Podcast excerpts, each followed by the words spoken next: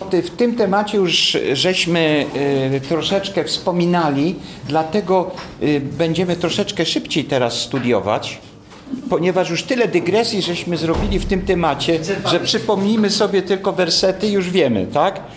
Yy, właśnie, zbór Boży jest społecznością świętych. Czy nie wiecie, że świątynią Bożą jesteście i że Duch Boży mieszka w was? Już ten werset na pamięć znamy i żeśmy go cytowali wielokrotnie. I 1 Koryntian 6,11 Aleście obmyci, uświęceni i usprawiedliwieni w imieniu Pana Jezusa i w duchu Boga naszego. Fakt. Jesteście, nie będziecie, tylko jesteście obmyci, uświęceni i usprawiedliwieni teraz w imieniu Pana Jezusa. Rozumiecie to? To jest bardzo doniosłe stwierdzenie, że to nie jest y, kwestia przyszłości, tylko jak człowiek jest zbawiony, ich Duch Boży zamieszka w człowieku, to realizuje się to. I to jest praca Boża, a nie ludzka. Tak? A czy Dalej, jak się, proszę. Jak się to ma do, do tej beatyfikacji, jak się nazywa ten drugi proces? Kanonizacja. Kanonizacja. Jak się to ma do tego? Nijak. No, no można tak być. No nijak. No bo to te kanonizacje, beatyfikacje to są ludzkie sądy. Człowiek nadaje świętość w cudzysłowie pewnych, pewnym rzeczom, tam, osobom, tak? a nie jest to z Bożego nadania. No to jak Tomek zapytał, jak się to ma, to to nijak się ma do świętości nadawanej przez Boga. To raczej. No, oczywiście, że tak. Żeby, żeby kanonizować taką osobę. I później bada się życie tego człowieka, tak jak Tak, tak. życie papieża Jana Pawła II, Karola Wojtyły, jak badają te fakty, które wychodzą, które, które widzisz, że on już będąc w posłudze, że tak powiem. Tak, już cuda się działy. Tak dalej, a, a, a robił takie, tuszował takie rzeczy, które, Tak. które są karygodne po prostu. Dokładnie. Na świętości Boga. No żaden człowiek nie jest w stanie być święty y, nawet na sądzie ludzkim, a nie mówiąc już o sądzie Bożym, tak? Nie da rady. Tylko Bóg może go uświęcać. Oto ważny werset dziesiąty. To on, jego już czytaliśmy. Mocą tej woli jesteśmy uświęceni przez ofiarowanie ciała Jezusa Chrystusa raz na zawsze. Raz na zawsze. I znowu, jak już rozmawiamy o tych katolickich sprawach, Y, Pamiętacie, ja też byłem katolikiem, że jak człowiek poszedł do spowiedzi, tak, to, to pokutę zrobił, potem do komunii poszedł, to był uświęcony, to był święty. Tak ostrożnie chodził, żeby grzechu nie zrobić. Ale wyszedł za bramę, już zgrzeszył. Rozumiecie? To, to, to uświęcenie było tak na krótko. Czy ktoś z katolików, który ma doświadczenia katolickie, czy może powiedzieć, że jemu się udało tak naprawdę pół życia spędzić w tej sprawiedliwości, że już nie zrobił w swoje, w swoim życiu grzechu? Czyli w tym rozumieniu katolickim świętość y, tych wszystkich rzeczy, które są tu na ziemi, jest na trochę. Tak? Sprawiedliwość jest na trochę, nie na zawsze. I to jest największy problem y, katolików, jeśli otwierają Biblię. Bo otwierają i czytają o wieczności. Y, Wiele jest takich y, wersetów, które mówią o wieczności zbawienia, o pewności zbawienia, pewności, wieczności uświęcenia. Tak? Niedawno żeśmy czytali te wersety. Mocą tej woli, uwaga, woli, to jest wola Boża. To nie jest moja wola, tylko wola Boża. Uświęceni przez ofiarowanie ciała Jezusa Chrystusa raz na zawsze. I znowu to ofiarowanie. W katolicyzmie istnieje msza. Czyli to jest ofiara. Kiedyś y, jasno to mówili, ale pod wpływem presji ewangelikalnych zborów zaczyna się to w narracji katolickiej y, zmieniać. I w pewnym momencie usłyszałem tak, y, taki neologizm, który y, brzmi, że to nie jest ym, inkarnacja Jezusa w hostii tam, tylko to jest uobecnianie w ofierze. Niech mi ktoś powie, co to znaczy uobecnianie w ofierze, w tym całym, wiecie, sakramencie. Nikt tego nie wie i właśnie o to chodzi, żeby nikt nie wiedział. I właśnie o to chodzi, żeby nikt nie wiedział. Tego się nie da zrozumieć. To nie jest logiczne. Bo Słowo Boże mówi, że Pan Jezus został ofiarowany raz, na zawsze. I mocą tej woli my, którzy jesteśmy w Jezusie Chrystusie, jesteśmy na raz na zawsze uświęceni. Tak? Tu jest, jesteśmy uświęceni raz na zawsze. Uświęcenie jest doskonałym Bożym dziełem. Kogo dotyczy dzieło uświęcenia raz na zawsze? Ale wy nie jesteście w ciele, lecz duchu. Jeśli tylko Duch Boży mieszka w was. Jeśli zaś kto nie ma Ducha Chrystusowego, ten nie jest Jego. To jest bardzo ważne twierdzenie. Nie ma chrześcijanina bez Ducha Świętego. Jak ktoś nie ma Ducha Świętego, jest to udawany chrześcijanin. Po prostu to jest prawda biblijna. Chrześcijanie, nowonarodzeni ludzie, są to ludzie posiadający Ducha Świętego. To jest nasz wyróżnik. Jesteśmy Bożą własnością. Czy nie wiecie, że. Już czytaliśmy ten werset. E, czy nie wiecie. 19, to już czytaliśmy. Albo czy nie wiecie, że ciało wasze jest świątynią Ducha Świętego, który jest w was i którego macie od Boga i że nie należycie do siebie samych? Widzicie? Nie należycie do siebie samych. Duch Święty jest każdym wierzącym człowieku. Bez wyjątku. Nie ma człowieka zbawionego bez Ducha Świętego. Tak? Jeszcze raz ten fragment przeczytaj. Albo czy nie wiecie, że niesprawiedliwi Królestwa Bożego nie odziedziczą? Nie łudźcie się, ani wszetecznicy, ani bałwochwalcy, ani cudzołożnicy, ani rozpustnicy, ani mężołożnicy, homoseksualiści, ani złodzieje, ani chciwcy, ani pijacy, ani oszczercy, ani zdziercy Królestwa Bożego nie odziedziczą. A takimi niektórzy z was byli, aleście obmyci, uświęceni i usprawiedliwieni w imieniu Pana Jezusa Chrystusa i w duchu Boga naszego. To jest chrześcijanin. Każdy człowiek jest grzesznikiem. Tak? Tylko niektórzy bywają zbawionymi grzesznikami.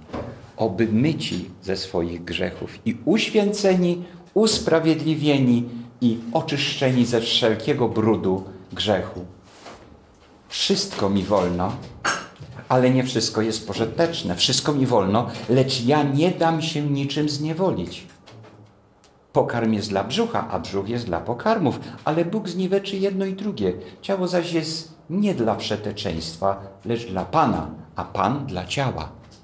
No i bo powiemy tak, niektórzy taki zarzut chrześcijanom stawiają, no to co, no wy jesteście już zbawieni na zawsze, to co, to ma hulaj dusza piekła, nie ma i grzeszymy ile wlezie. No wolno nam. Paweł nawet pisze tu, wszystko mi wolno. No, no wolno mi. Ale czy wszystko jest pożyteczne? Tak? Ja mam mądrość nadaną przez Ducha Świętego, że ja chcę się uświęcać. Ja, wiecie, to jest taka całkowicie nielogiczna rzecz. Jak człowiek zbawiony, który kocha Pana Jezusa i wie, że za Niego umarł na krzyżu, wiecie, i że ma Ducha Świętego, będzie grzeszył, bo tak fajnie jest. No wiecie co, to jest jakaś wewnętrzna sprzeczność człowieku. Y, to może zrozumieć tylko ten, który ma Ducha Świętego. Po prostu tego się nie da. To jest coś takiego, no, no, trudno mi nawet znaleźć, wiecie, porównanie. No, ktoś, kto musiałby jakąś szklankę nieczystości y, wypić, wiedząc, że mu to zaszkodzi, że to jest złe, niedobre. Wiecie, no, no, trudno nawet, wiecie, sobie wyobrazić taką sytuację. Wiedząc, że na przykład grzesząc, obrażamy naszego Zbawiciela. On poszedł na krzyż, a ty teraz tu grzeszysz. No jak to wygląda? Ogarnij się. To, to dlatego poświęcisz, y, jakoś zniszczysz tą świętość, którą Pan Bóg do ciebie, to w twoje wnętrze włożył, żeby takie jakieś swoje zachcianki, jakieś swoje, nie wiem, fantazje, nie wiem co tam zrealizować. Przecież to jest głupota, totalna głupota. Ale myśląc nieduchowo, nieduchowo zaznaczam, można przyjąć taką sytuację. ludzie, którzy nie są zbawieni, nie mają żadnych oporów, żeby raz nie zaszkodzi. Co mi tam raz tylko. Ale potem to już będę dobry człowiek. Wiesz, żeby nie było. Ale tylko raz tam. To jest głupia postawa. To i, i sprzeczna w ogóle z mentalnością człowieka zbawionego. Bo Pan Jezus, kiedy Ty się nawrócisz, zmienia Twoje myślenie, Twoje serce, Twoją mentalność. To jest to słowo, które już chyba kiedyś studiowaliśmy troszeczkę, metanoja. Co to jest nawrócenie, pokuta? To słowo jest właśnie tłumaczone na kilka różnych takich polskich słów. Metanoja to jest coś takiego. Odwrócenie się od, o 180 stopni od tej drogi, po której szłeś. Tak? Szedłeś drogą grzechu, a ty teraz zawracasz z tej drogi, idziesz w dokładnie przeciwnym kierunku. Tak? Dla ciebie grzech był wspaniały i piękny, ale teraz się nim brzydzisz. Żyłeś w poniżeniu, teraz będziesz żył w chwale. Szedłeś do piekła, idziesz do nieba. Byłeś w, w nieczystości, idziesz do czystości.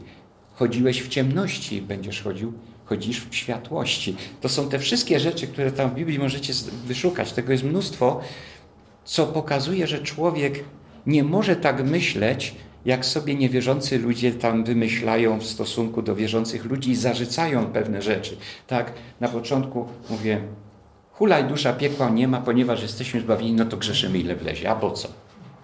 To jest głupie myślenie. Żaden wierzący człowiek tak nie postępuje. Dlatego niektórzy nawet odrzucają zbawienie, nawrócenie, ponieważ uważają je za jakieś głupie. No jak to? nawrócę się i już jestem zbawiony na wieczność? I nie muszę nic zrobić? No, jak to jest? Ten na łożu śmierci bandyta, złodziej, zabójca zawoła do Pana, jest zbawiony, a ja całe życie harowałem. Całe życie byłem taki dobry i tak dalej. To on ma takie samo zbawienie jak ja? Gdzie tu sprawiedliwość? No jest sprawiedliwość. Jest. Bo sprawiedliwością Bożą jest to, że Pan każdego grzesznika może zbawić. Kiedy ten wyzna swój grzech, nawróci się i poprosi Pana Boga: Ratuj mnie, Panie, ratuj mnie, bo ja sam jestem w piekle. Tak? Swoim wysiłkiem. Nie ma innej drogi, tylko Pan Jezus. Albo czy nie wiecie, że wasze ciało jest świątynią Ducha Świętego, który jest w was i którego macie od Boga i że nie należycie do siebie samych? Nie jesteście sami dla siebie. Boże, jesteście, jesteście własnością Boga, czyli uświęceni dla Boga. Właśnie, własnością, czyli oddzieleni dla Boga. Jesteście własnością czyjąś. Nie jesteście uświęceni dla siebie, tylko dla Boga. Widzicie, te łamańce takie, warto tak sobie kilka razy to, to uświadomić, żeby to weszło do głowy. Drogoście bowiem kupieni, wysławiajcie wtedy Boga w ciele waszym. I kiedy sobie wyobrazimy albo w jakiś sposób przypomnimy, jaka cena została za nas zapłacona, a jaka to jest cena? Co to jest to drogoście bowiem kupieni? Drogocenną? Tak. tak. Tyle jest warte wasze zbawienie. To jest nie do wyobrażenia. I co? Wysławiajcie wtedy Boga w ciele waszym. Jeśli wy sobie uświadomicie, jaką cenę za was zapłacono, to macie motywację, powód do tego, żeby wysławiać Boga w ciele waszym. To jest takie przypomnienie. My o tym wiemy, ale jak często zapominamy w tym, wiecie, w tym wirze codzienności, życia, tego wszystkiego, co wokół nas jest, zapominamy o tej wielkiej prawdzie. Drogoście kupieni. Taką ceną, której nigdy nie możemy nabyć. Tak jest. O, dzieło, o, jeszcze takie ciekawe rzeczy. O, to jest dzieło Boże w Was, to już o tym mówiliśmy. I na koniec owoc wiary, zbawienia, usprawiedliwienia. Czym jest w życiu zbawionego ten owoc wiary? No właśnie tymi dobrymi rzeczami, które z nas wypływają. I zawsze mówię tak, to nie ty jesteś święty albo zbawiony dlatego, że czynisz dobre uczynki, ale ty czynisz dobre uczynki dlatego, że jesteś zbawiony. To jest bardzo ważne, żeby odwrócić to. Świat myśli właśnie w ten sposób. Jak ja dużo zrobię, to będę święty i zbawiony. Jest dokładnie odwrotnie. Jeśli będziesz zbawiony, będziesz miał zdolność do tego, żeby czynić dobrze. I to jest fundament. Będziesz dobrze czynił, jak się nawrócisz. A jak się nie nawrócisz, nie masz szans. Będziesz żył w grzechu, jak Jan mówi. Tak? Prosta. Ten, kto jest zbawiony, nie żyje w grzechu. Ten, kto nie jest zbawiony, żyje w grzechu i pójdzie do piekła. To jest proste, jasne. Ewangelia jest prosta. Znaczy, ja mogę powiedzieć taką ciekawostkę, nie? Mhm. Mi wydaje, że jest bardzo ciekawe, bo e, spotkałem się z taką osobą, która mówi kurczę, teraz nie wiem jak ja mam żyć, bo co jest grzechem, co nie jest, co mogę, co nie mogę. Mówi, pod prawem to było lepiej, to było wypisane, co mogę, co nie mogę, a teraz to jak ja mam żyć, nie? I ja mówię do tej osoby, że osądzaj swoje serce według sumienia swego, co cię gorszy i tego, nie? I tak, no ale w końcu ta osoba zrozumiała, nie? Ale na początku...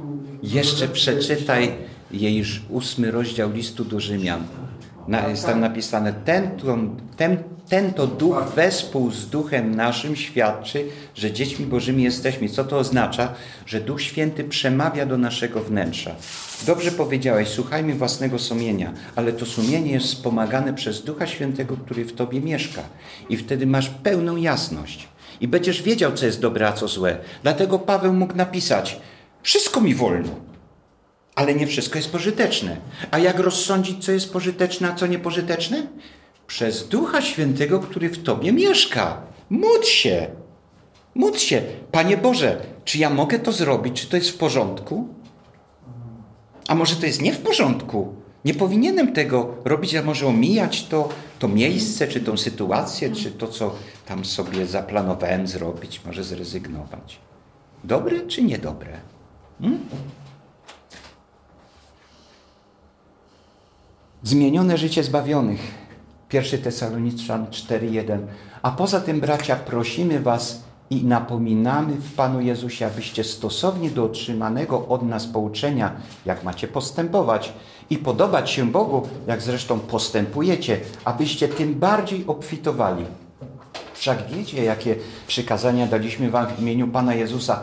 Taka jest bowiem wola Boża, uświęcenie Wasze żebyście się powstrzymywali od przeteczeństwa, aby każdy z was, umiał utrzymać swe ciało w czystości, w poszanowaniu, nie z namiętności rządzy, jak poganie, którzy nie znają Boga, aby nikt nie dopuszczał się wykroczenia i nie oszukiwał jakiejkolwiek sprawie swego brata, gdyż Pan jest mścicielem tego wszystkiego, jak to wam zapowiadaliśmy i zaświadczaliśmy, a bowiem nie powołał nas Bóg do nieczystości, ale do uświęcenia. Widzicie, znowu jest ten proces uświęcenia. Nie jesteśmy doskonali w naszych uczynkach, ale tu jest droga. Mamy podobać się Bogu, tak? I to jest wola Boża, żebyśmy byli uświęcani, ciągle uświęcenie nasze, to jest wola Boża. Do tego powołał nas Bóg, aż do tego pełnego uświęcenia. Widzicie? To jest taka droga. I My się chcemy podobać Panu Bogu. Czy ktoś z Was y, nie chce się podobać Panu Bogu? No to jest głupie pytanie. No każdy z nas przecież chcemy się Panu Bogu podobać. No to jak chcesz się Panu podobać, to tam jest obfituj w dobry uczynek. Tak? Ten pierwszy werset. Abyście tym bardziej obfitowali w owoce swojej wiary. Tak? tak, wiecie, jakie są różne przykazania. Zobaczcie, Paweł tam mnóstwo napisał w Nowym Testamencie w swoich listach. I Piotr, i Jan, i tam wszyscy apostołowie coś pisali. To jest mnóstwo porad. Na każdą prawie sytuację możemy tam prawie wprost znaleźć w Biblii y, jakąś odpowiedź. A macie zbór? Macie starszych, bardziej dojrzałych braci? Macie. Macie problem? Czemu nie przyjdziecie do nich, nie spytacie? Ej, Czy to jest w porządku? No ja, jest jeszcze, ja, ja jestem jeszcze taki trochę niedoświadczony. Powiedz mi, bracie, jak to jest, że siostra do siostry, bo starsze siostry mogą usługiwać młodszym, tak? Też mogą, bo są, wiecie, sprawy męskie, kobiece, tam różne rzeczy, tam takie. Wszystko jest Boże, Boże. Można? Można znaleźć drogę. Można się modlić. Bracie, pomóc się ze mną. Ja nie wiem, co z tym zrobić. Albo przyjdziesz do zboru, bracia, mam, bracia, y, siostry, mam taką trudną sytuację teraz, nie wiem co zrobić, jaka będzie wola Boża. Módlcie się o to. Na zgromadzeniu się będziemy modlić o to. Tak? A może wiele miesięcy będziemy się modlić o jakąś sprawę? Może tak być? Możemy wzrastać w Panu? Możemy. I to wszyscy wzrastają. Ten, o którego się modlimy i ci, którzy się modlą. To wszyscy wzrastają. To nie jest tak, że tylko ta osoba, wiecie, z, z kapeluszem i zbiera, wiecie, to wszystko. Wszyscy wzrastają, bo zwracają się do Pana. Oni wszyscy mają w głowie ten problem. I ten problem zostanie rozwiązany we wszystkich sercach, jak on tam, wiecie, jakoś zostanie załatwiony. Nie? No i problem z tymi namiętnościami, rządzami, jakieś wykroczenia, oszukiwanie. No, nie, nie róbmy tego. wola zbawionych. Tutaj jest wola Boża. Tu jest takie troszkę zderzenie, widzicie? Wola zbawionych i Boża wola. To wszystko musi współgrać. Wola Boża współgra z wolą zbawionych, bo my chcemy podobać się Bogu i to jest, to jest Boża wola. Tak, tak, tak, tak, tak należy. Dobrze, dobrze, że wam w duszy gra, że chcecie podobać się Bogu, bo to jest wola Boża właśnie. A to jest powołanie Boże. Tak? Wola zbawionych, Boża wola i Boże powołanie dla zbawionych. Czy w uświęceniu mamy swój udział? No oczywiście, że tak. Mamy. Czy może są różne rodzaje uświęcenia? No to już o tym żeśmy dużo, dużo dyskutowali. Jakbym zapomniał, to sobie napisałem te, te pytania, żebyś, żeby mógł je zadać. Tak? No to już jest też pewne podsumowanie. Dwa rodzaje uświęcenia. Uświęcenie będące dziełem pańskim i uświęcenie dokonywane przez zbawionych, będące realizacją Bożego powołania, tak żeśmy w poprzednim fragmencie y, czytali. Do Bożego uświęcenia nic dodać nie umiemy, tak? Bo to jest Boże dzieło. Nic nam do tego. Natomiast za nasze uświęcenie w ciele jesteśmy odpowiedzialni przed Panem. Jest napisane w wielu miejscach, może kiedyś przeczytamy, że y, każdego z nas Pan oceni. Tak? Jeśli ktoś budował ze słomy, siana, przyjdzie ogień, wypróbuje, spaliło się, nie ma nic. Tak? Ktoś buduje z drogich kamieni, z porządnego materiału, przyjdzie ogień, kamień się nie pali. Tak? I jest napisane, że jeden zbawiony będzie, ale tak jak przez ogień. I to zawsze mówię o tym obrazie pogorzelca. Tak? Że człowiekowi chałupa się spaliła, nie ma nic, goły, jak to mówią, i wesoły, ale on sam jest uratowany z tego pożaru. Tak? To jest ten obraz takiego. Tak jednak jak przez ogień. Tak? Będzie zbawiony tak jednak jak przez ogień. I, I to jest jakaś nagroda w niebie, o której znowu nie mamy pojęcia. Znowu tam niektórzy wymyślają jakieś tam, może niektórzy stanowiska w niebie albo coś tamtego, ale my nie robimy takich dywagacji, bo to nie ma sensu. Jest taka też y, fajna y, idea tych pięciu koronach, które dostaniemy. No, tam pewne takie są fajne, chwalebne rzeczy. Może kiedyś będziemy na ten temat studiować. Ale to też jest taki ładny obraz, że jak będą, wiecie, te korony składane przed Bożym tronem, to fajnie by było mieć co darować, co? A nie tak głupio stać w rogu, a ja nie mam korony. Wszyscy dają, a ja co?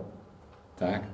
Wiecie, tak w Biblii jest taka sugestia i powinniśmy się nad tym zastanowić, żeby mieć co przynieść przed Boży tron. Tak? To to jest jakaś nagroda. Być nagi. Tak. I y, na czym polega w praktyce uświęcenie w życiu zbawionego? Bo chodzi w sumie o tą praktykę życia, tak? Z pomocą oczywiście przychodzi Słowo Boże, które zawiera wiele wskazówek i rad w zakresie uświęcenia naszego ziemskiego życia. Bo my ciągle poszukujemy. Y, możemy wiele teorii, wiecie, tam poznać, co tam w niebie, co tam się tam dzieje. No ale my żyjemy tu i teraz, tak? Mamy swoje problemy, żyjemy w rodzinach, żyjemy gdzieś tam w jakimś środowisku, w jakiejś społeczności, y, z sąsiadami, w robocie, gdzieś tam w szkole i tak dalej. No jak z tym wszystkim sobie poradzić, tak? Podstawowy problem człowieka wiary – Wiem wtedy, że nie mieszka we mnie, to jest w ciele moim dobro. Mam bowiem zawsze dobrą wolę, ale wykonania, wykonania tego, co dobre, brak. Albowiem nie czynię dobrego, które chcę, tylko złe, które nie chcę, to czynię. A jeśli to czynię, czego nie chcę, już nie ja to czynię, ale grzech, który mieszka we mnie. Znajduję wtedy sobie zakon, że gdy chcę czynić dobrze, trzyma się mnie zło. Tam jest pewien szerszy y, kontekst, ale to jest pewna uniwersalna prawda dotycząca ludzi zbawionych również. Y, bo ludzie zbawieni również mają problem z grzechem. Chciałbyś być dobry, wykonywać dobrze, ale jak się nie obrócisz, to gdzieś znajdziesz w swoim życiu grzech. Tak? Jest problem z tym. Chcę robić dobrze, trzyma się mnie zło. Co dalej? Cielesność. Podstawowym problemem człowieka to jest cielesność, życie według ciała i z tym bardzo mocno walczy Paweł w swoich listach. Szczególnie on ma bardzo wiele na ten temat do powiedzenia. Jakie jest rozwiązanie problemu grzesznego ciała? Nędzny ja człowiek, któż mnie wybawi z tego ciała śmierci? Bogu niech będą dzięki przez Jezusa Chrystusa, Pana naszego. Tak więc ja sam służę umysłem zakonowi Bożemu, ciałem zaś zakonowi grzechu. Mówię, to jest dość szeroko, y, y, szerzej teologicznie jest ten fragment. On ma swoje jeszcze pewne głębokie znaczenie y, w stosunku do narodu izraelskiego, do Żydów. Tak? Ale możemy z tego fragmentu również wyciągnąć pewne prawdy dla siebie, dla zboru Bożego. Popatrzcie, że ta natura człowieka grzeszna powoduje problem, który jest rozwiązany w Panu Jezusie Chrystusie. W Panu Jezusie Chrystusie. Szczególnie na początku swojej drogi wiary ludzie naprawdę mają wielkie problemy z grzechem i z tym zakonem. Bo to działo w ten sposób. Ty czynisz źle, w tobie odzywa się zakon. Co to jest zakon? Prawo. To znaczy, to jest dobre, to jest złe, rób to, nie rób tego. I to jest ten zakon, tak? Ten sam zakon jakiś jest w, w, w sumieniu człowieka y, wierzącego, tak? Ten sam zakon, który był w Starym Testamencie, w jakiś sposób ma odbicie i, i w Nowym Testamencie. My nie twierdzimy, że y, ponieważ y, my już jesteśmy w Chrystusie, to stare prawo nie ma żadnego zastosowania. Oczywiście, że ma. Ono jest święte i dobre. Niedawno żeśmy w zborze, no może tak nie całkiem niedawno, studiowali dziesięć przykazań. Są bardzo wspaniałe, wielkie rzeczy, które są tam opisane, bo one nam wskazują takie główne ramy postępowania. Co jest dobre, a co złe. Nie znaczy, że my żyjemy pod zakonem, tak? ale zakon daje nam wskazówki. Jest takim dydak, y, jak to się nazywa, nauczycielem, Pedagog, o właśnie, pedagogiem, bardzo dobrze, y, pedagogiem w stosunku do nas, żebyśmy postępowali według Bożej woli. Tak, tak jak, jak mówię, my nie jesteśmy pod zakonem, nie obowiązuje nas zakon, nas nie obowiązuje dziesięć przykazań, ale my z tych dziesięciu przykazań czerpiemy bardzo wiele dobrych rzeczy. One są naszym przewodnikiem do życia w Chrystusie. Tak? Do życia w Chrystusie. Mamy czynić dobro. I takim przewodnikiem był zakon w stosunku do Izraela, bo oni wiedzieli, że oni nie dadzą rady tego zakonu wypełnić. I oni musieli mieć Zbawiciela, bo bez Zbawiciela ten zakon ich po prostu yy, przytłaczał. Nie dali rady. To jest to odniesienie.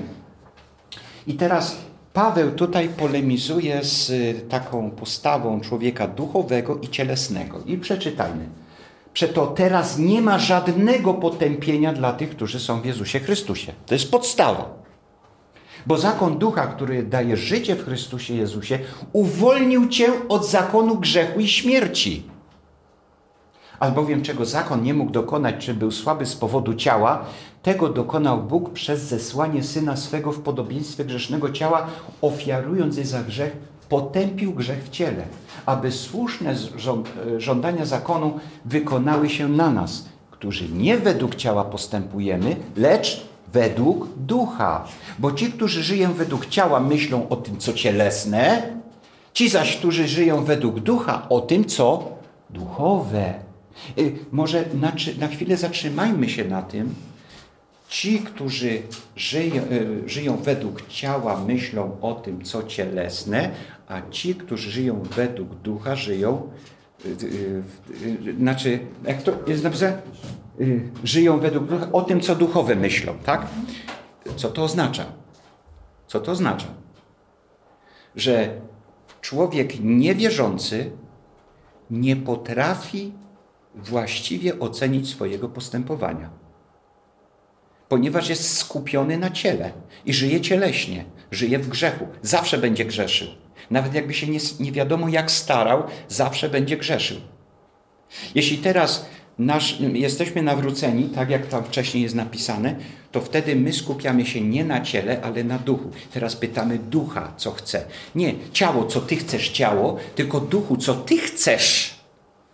Wtedy mamy inną perspektywę. Mamy podstawę do tego, żeby czynić dobrze. Nie, żeby czynić źle. Rozumiecie? To są takie subtelności. Jak czytamy, wiecie, list do Rzymian, to tak przelecimy przez ten list, przez, lecimy przez te wersety i one nas w pewnym momencie przytłaczają. Dlatego robimy to, co teraz robimy. Zastanawiamy się nad kolejnymi wersetami. Czego nie mógł zakon wykonać, czym był słaby z powodu ciała zakon. Przypomnijmy sobie zakon mojżeszowy. Co tam było? No tak, z grubsza. znacie dziesięć przykazań? Masz kochać Boga. Jak tu kochać Boga? No i mi ktoś powie, no jak tu kochać Boga? Żyję w ciele, ciało mną, rządzi, a ja mam Boga kochać. I nie grzeszy przeciwko Bogu. No jak to zrobić? No kto ma jakiś ktoś pomysł? Ej, no ale taki cielesny pomysł, wiecie. Jak to dobrze. A może zbudujemy Panu Bogu świątynię? Albo jaki ołtarz ty? Jak będziemy składać codziennie jakąś ofiarę, tak? No to chyba Pan Bóg nas wysłucha. Ale tak, ale jedna ofiara dziennie to może za mało. Rano i wieczorem. Jak będziemy dwie ofiary składać, to jeszcze bardziej nas Pan Bóg wysłucha. Ale czy Panu Bogu potrzebne są te wszystkie barany? Kozły ofiarowane. Dziesiąty, znaczy ten y, dziesiąty rozdział, tak, y, od dziewiątego do dwunastego rozdziału Hebrajczyków, to możecie sobie, czy Panu Bogu to wszystko jest potrzebne? Wręcz napisane, zbrzydły mi te wszystkie wasze ofiary, te wasze święta, posty, zbrzydły mi tak. Co Panu Bogu jest zależy? Na czym zależy? Tam jest napisane potem. Sprawiedliwości, a nie ofiary. Czystości, tego, żebyś Ty się zwrócił do samego Boga, żebyś Jemu powierzył siebie, co Panu Bogu się podoba. A nie te szlachtowane, wiecie, tam zwierzęta na tym ołtarze. To one miały co innego was nauczyć. Żeście w ogóle zmienili swoje myślenie o tych ofiarach. Myśleliście, że te ofiary wam zgładzą grzechy. Nie zgładzą. One, te ofiary gładzą, y, znaczy zanim ta ofiara jest złożona, to jest grzech y, zgładzony. Wiecie kiedy? Kiedy ten człowiek, jestem grzeszny. Pan wymagał ode mnie barana. I w tym momencie, jak ta myśl powstaje, to już jest zbawiony ten, znaczy usprawiedliwiony ten człowiek przez Bogiem. Teraz idzie, kupuje tego barana, idzie do tego kapłana, Kapłanie, złóż to za moje grzechy, ale to już przyszedł człowiek, któremu grzechy zostały przebaczone. Bo on już zmienił swoje myślenie, swoje serce. Ale żeby to było dla wszystkich świadectwem, dla około, naokoło, że ten człowiek się nawrócił, tam od jakiegoś swojego grzechu, no to tą ofiarę się spala. I tu ten, wiecie, jak się spala mięso, wiecie jaki jest zapach. Okrutnie śmierdzi. Okrutnie śmierdzi. Jak myślicie, co ten dym mógł symbolizować? Grzech. Ten grzech idzie gdzieś w powietrze. Idzie. Spala się. Ten smród gdzieś tam wiatr rozwiewa. Panie Boże, rozwiej ten mój grzech. Nie chcę tego grzechu. Tak? To jest jakiś taki symbol. Na Panu Jezusie, przepraszam, na Panu Jezusie też spoczęły wszystkie grzechy. Dlatego Pan na krzyżu zawołał Eloi, Eloi, lama sabachthani. Boże mój Boże, czemuś mnie opuścił. Tak było? Tak było. To jest skruszone serce, które przynosi tego barana na ofiarę.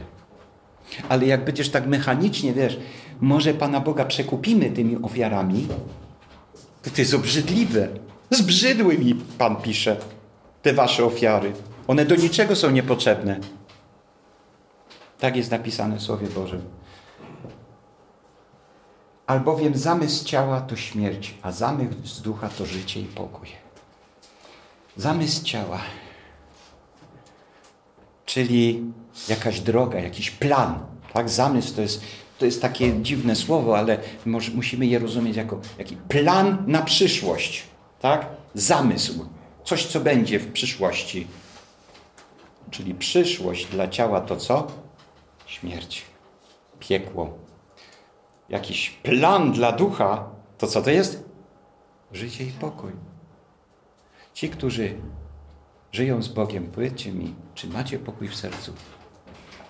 Bo ja tak. Ja się cieszę każdym upływającym dniem, bo jestem bliżej do Pana. I Pan niedługo przyjdzie. I to jest moje pragnienie. Zobaczcie ludzie na świecie, jak oni się boją śmierci. Jak Panie Boże, uchroń nas od nagłej i niespodziewanej śmierci. Tak się modlą katolicy, bo oni mają niepewność. Spytaj katolika, czy on jest pewny, że pójdzie do nieba. Wiesz co? Ja mam nadzieję, bo ja chodzę na mszę. I najgorszy nie jestem. Tak, chodzę na mszę, chodzę do spowiedzi, a jak będzie na sądzie, no właśnie, to jest problem. Ta niepewność. Nigdy nie jesteś pewny, jaka jest przyszłość. Ale jak będziesz żyć według ducha, to co? Będziesz mieć perspektywę nieba, spokój, łaska, życie i pokój. Życie wieczne i wieczny pokój. Dlatego zamysł ciała jest wrogi Bogu, nie poddaje się bowiem zakonowi Bożemu, bo też nie może. Tak? No, nie, no jakim sposobem grzech może być, poddawać się? No, jakby cię, wiecie, nie ten klucz wsadzali do jakiegoś zamka. No nie da się. To jest niemożliwe. Ci zaś, którzy są w ciele, Bogu podobać się nie mogą. Koniec kropka. Żaden człowiek, który nie nawrócił się do Pana Jezusa, nie może się podobać Bogu. To jest prosta zasada. Choćby nie wiem, jaki dobry był, ile uchodźców by uratował, ile by sierotek nakarmił, nie wiem, co jeszcze robił wspaniałego i wielkiego na tym świecie, to nie może nic go z, gdzieś zbliżyć do Pana Boga. Nie da się. Nie da się. Jeśli jesteś w ciele, nie jesteś w duchu, podobać się Bogu nie możesz. Koniec. Taka jest Boża, Boże prawo. Tego Jezus uczył nowym narodzeniu. Proszę? Tego Pan Jezus uczył, że musimy się na nowo narodzić. Tak, tak. Znowu trzeci rozdział Ewangeliana. O, y, to jest y, trzeci rozdział. Jak będziecie czytać pierwszy rozdział Ewangeliana, to można jeszcze trzeci. Piękny y, obraz. Co to znaczy narodzić się na nowo? Jak ja mogę być zbawiony? Nikodem przyszedł do Pana Jezusa. My wiemy, kim jesteś. Bo takich rzeczy jak ty, to, to, to, to ludzie normalnie to czynić nie mogą. Pan Jezus mu mówi, no, musisz się na nowo narodzić. Wiecie, taka, taka mina mu trochę zble... Zaraz, zaraz. Na nowo cię narodzić. To mamu, ja muszę iść poprosić moją mamusię. Mamusia jeszcze raz, wiesz, bo muszę się na nowo narodzić. On tak powiedział, przeczytajcie. Mam wejść Tak, do matki. Tak, on tak powiedział. Nie wiem, czy on żartował, czy był tak zdezorientowany, że takie coś powiedział. Ale Pan Jezus powiedział, musisz się narodzić z wody i z ducha. Y, Widzisz, tam wiatr jest, tam y, te, te, te listki tak się ruszają. Nie wiesz, skąd ten wiatr jest, nie wiesz, dokąd wieje. Tak jest z Duchem Świętym. Ja Ci nie powiem teraz, jak Duch w Tobie to robi. Ale musisz się poddać Duchowi, musisz uwierzyć. Musisz poddać się Bogu i będziesz zbawiony. Będziesz narodzony na nowo. I nie będziesz wiedział, jak to się dzieje, tak jak nie wiesz, co ten wiatr tam, wiecie, gdzieś tam w tych drzewach rusza listkami. No bo on chciał mechanistycznie to zrozumieć. Jak to jest urodzić się na nowo? No i różne głupie myśli do człowiekowi do głowy przychodzą, tak? Jak z tą mamusią. I Pan Jezus dokładnie wyjaśnił mu, musisz nawrócić się. Tak jak Mojżesz wywyższył węża na pustyni, tak musi być wywyższony Syn Człowieczy, aby każdy, kto w Niego wierzył, nie zginął ani, ale miał żywot wieczny. Albowiem tak Bóg umiłował świat, że Syna swego jednorodzonego dał, aby każdy, kto w Niego wierzy, nie zginął, ale miał życie wieczne. Bo nie posłał Bóg Syna na świat, aby sądził świat, ale żeby świat był przez Niego zbawiony. I to są wersety, które każdy chrześcijanin na pamięć umie, bo to jest samo jądro Ewangelii. Samo jądro Ewangelii. To z miłości. Wszystko się bierze z Bożej miłości. Tak? Ale wy nie jesteście w ciele, lecz w duchu. Jeśli tylko Duch Boży mieszka w was. Jeśli zaś kto nie ma Ducha Chrystusowego, ten nie jest Jego. Kropka, następna kropka, tych kropek mówię. Jejku, bo tu są takie stwierdzenia mocne, wiecie, że ta kropka jest bardzo ważna. Jeszcze raz. Ale wy nie jesteście w ciele, to znaczy ludzie zbawieni, wierzący, lecz w duchu.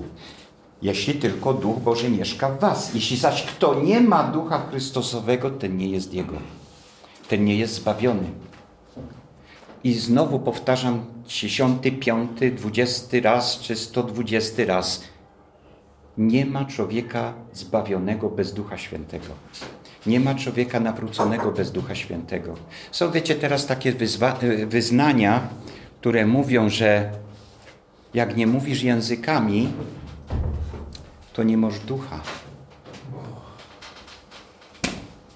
Może tam zbawiony jesteś, ale taki zbawiony drugiej kategorii. Nie wiem, jak oni to kombinują w swoich głowach. Jak może być człowiek zbawiony bez Ducha Świętego? Ja tego nie rozumiem, może mi ktoś kiedyś wyjaśnić, jak oni tam kombinują. Ale jest napisane, że jak nie masz Ducha Chrystusowego, to nie jesteś Jego, czyli Boży nie jesteś, nie jesteś dzieckiem Bożym, jesteś w piekle. Nie jesteś zbawiony. Proste? Proszę bardzo. Ja się spotkałem, że ci, kto nie mówią na językach, to przyjdą jak przez ogień. A, rozumiem. Ja powiem tak, kombinują jak koń pod górę. Y, Musimy Słowo Boże czytać kontekstowo. Nie możemy wyrywać z, y, z wer- wersetów z kontekstu. Musimy całe Słowo rozumieć całościowo. Tak? To, że w Biblii jest napisany jakiś werset, to jeszcze niewiele znaczy. Co ten werset mówi w kontekście bliższym, dalszym i w kontekście całego objawienia Bożego. Tak? Musimy to znaleźć. I takie właśnie, tak jak powiedziałeś, takie różne wstawki, a to będzie tak jak z tym tego. No tak, ale o czym innym jest jedno, a o czym innym jest drugie. Y, Posiadanie Ducha Świętego to inny, y, inna, nau, inne nauczanie Słowa Bożego mówi, a o tym, co przed chwilą mówiłem, o tym, wiecie, tam y, zbawiony jak przez ogień, to jest w innym kompletnie kontekście. To nie jest w tym kontekście. Tak? Kontekst mówi, najbliższy, właściwie to zdanie jest bezkontekstowe. Można rozumieć je bezkontekstowo. To są takie fundamenty. Jeśli ktoś nie ma ducha Chrystusowego, ten nie jest jego. Nie ma innego wariantu. Ja w Biblii nie widzę wariantu innego.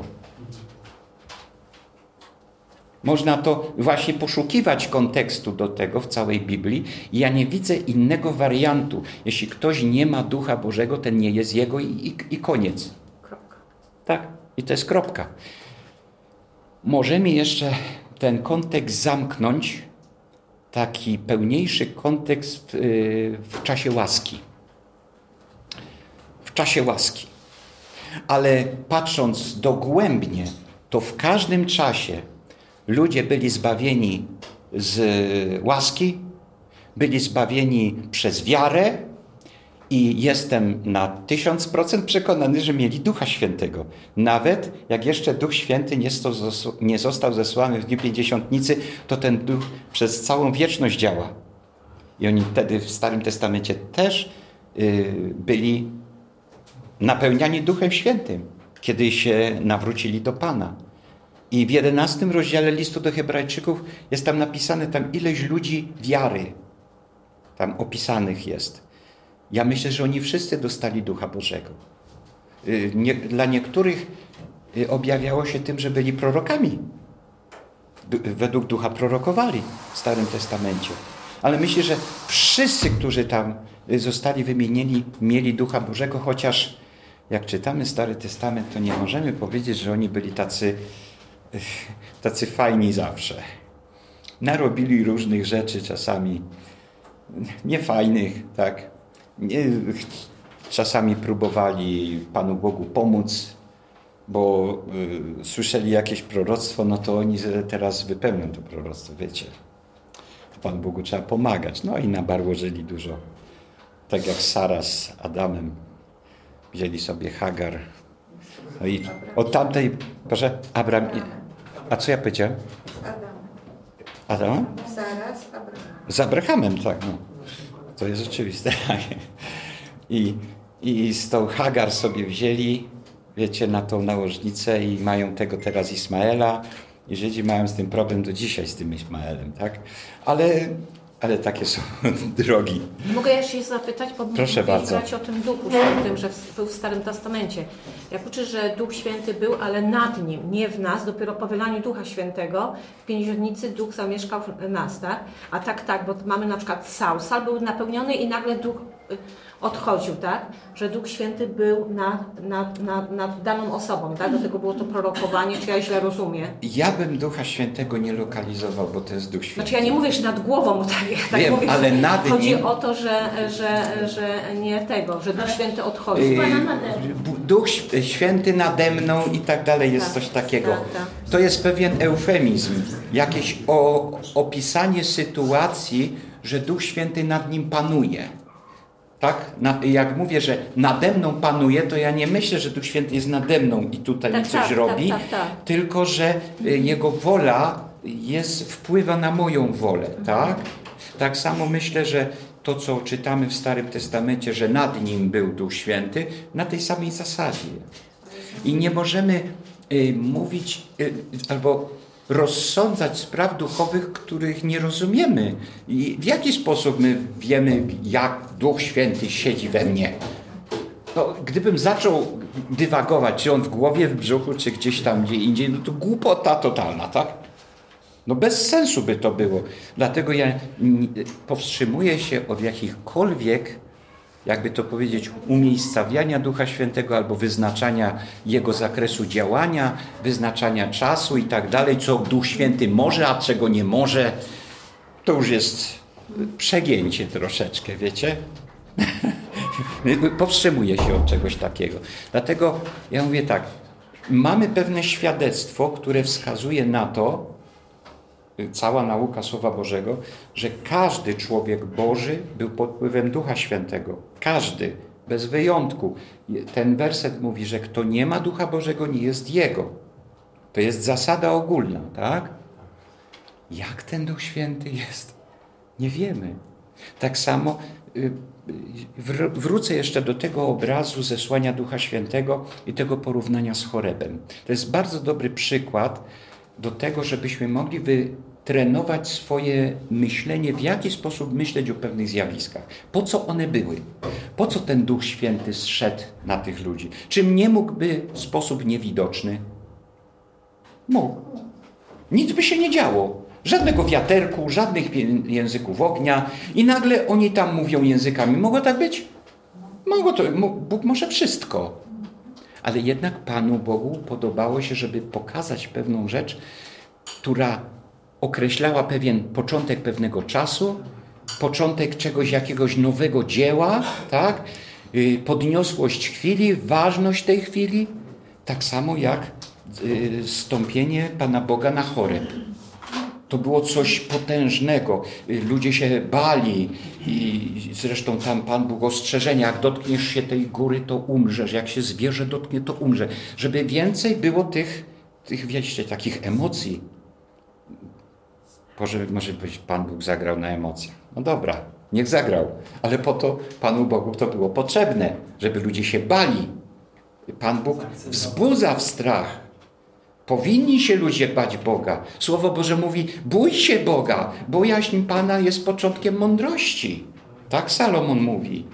Bój się Boga. Jeśli nie będziesz się bał Boga, znaczy jesteś głupi. Przepraszam bardzo. Nie ja to mówię, ale Słowo Boże tak to mówi. Bo początkiem mądrości jest słowa Pana, żeby jej nabrać, to jeszcze trzeba dużo więcej bojaźni niż ta początkowa bojaźń Boża, tak? Także patrzmy na tak dużo rzeczy, wiecie, nawet nie spodziewałem się, że tak wiele rzeczy będziemy mówić na ten temat. Y, y, jak mieliśmy w Stodole, to w innym kierunku poszło nasze studium, ale widocznie dla Was jest to bardzo ważne. Jestem bardzo szczęśliwy, że zadajecie tyle pytań. I jestem zdumiony, że tak dużo możemy porozmawiać o różnych ważnych dla Was pytaniach. Y, jeśli jednak Chrystus jest w Was, to chociaż jest ciało martwe z powodu grzechu, jednak duch jest żywy przez usprawiedliwienie. Kolejny aspekt naszego zbawienia, jeśli już jesteś człowiekiem zbawionym. Widzisz to ciało, ono jest martwe z powodu grzechu. Ile ja rzeczy narobiłem źle. Czasami jest martwe dosłownie. Niedawno, znaczy niedawno, kilkanaście lat temu y, usługiwałem na pogrzebie człowieka, który cały czas ćpał. Y, z powodu tego ćpania i picia i palenia tak sobie zepsuł wątrobę, że wątroba mu się całkiem rozleciała. Wiecie, on już w śpiączki zapadał, potem już umarł y, z tego wszystkiego, z tych, z tych, z tych rzeczy. Byłem na jego pogrzebie. On wyznał Pana Jezusa ale że gdybyście go obserwowali po tym wyznaniu, jak on wyznał Pana Jezusa i on wierzył Pana Jezusa, nigdy byście według ciała nie stwierdzili, że to jest człowiek wierzący. Dlatego ja mówię, ja nie wiem. Wyznał Pana Jezusa. On się będzie przed Panem Bogiem tłumaczył, tak? I, i ta sprawa będzie przed nim i przed Panem Bogiem. Ale on wyznał Pana Jezusa w, wobec całkowicie zniszczonego jego ciała. Kompletnie zniszczonego, które za chwilę umarło. Tak? I te słowa są, można je, nawet trzeba dosłownie rozumieć, bo martwota ciała jest i w duch, takim y, duchowym wymiarze, i tym takim fizycznym wymiarze. Bo to ciało już jest martwe z powodu grzechu. Ono musi znaleźć się w grobie. Jak to mówią, martwy tylko jeszcze o tym nie wie. Tak? No tak to, tak to działa. Każdy musi umrzeć. Nawet jak ci, którzy, tak, nawet jak ci, którzy dożyją przyjścia pańskiego, to doznają przemienienia, czyli to ciało musi zostać gdzieś tam wrzucone, wiecie. Ja to takie obrazowe e, słowa używam, żeby to było mocno powiedziane, że to ścierwo grzechu, które śmierdzi, grzechem musi być wyrzucone, zniszczone, zakopane. Tego ma nie być. Bo w obecności Bożej jest tylko y, piękny zapach modlitw świętych i, i sprawiedliwości Bożej. I sprawiedliwości całego ludu Bożego. To jest miły zapach dla Pana. To jest wielkie. Tak? Jeśli duch tego, który Jezusa wzbudził z martwych, mieszka w was, wtedy ten, który Jezusa Chrystusa z martwych wzbudził, ożywi i wasze śmiertelne ciała przez Ducha Świętego, który mieszka w was. Tak więc, bracia, jeśli bracia, jesteśmy dłużnikami nie ciała, aby żyć według ciała. Jeśli bowiem według ciała żyjecie, umrzecie. Ale jeśli duchem sprawy ciała umartwiacie, żyć będziecie, bo ci, których duch prowadzi, są dziećmi Bożymi. Uwaga! 14 wersetek. Bo ci, których Duch Boży prowadzi, są dziećmi Bożymi. Uwaga, czyje to dzieło jest? Boże dzieło. Każde dziecko Boże jest prowadzone przez Ducha Bożego. Każde. Bez wyjątku. Jeszcze będziemy dyskutować na temat gaszenia ducha. To jest bardzo ważne w kontekście tym, co żeśmy tu przeczytali, i napełniania się duchem i y, uświęcenia. Y, musimy koniecznie ten y, temat gaszenia ducha omówić.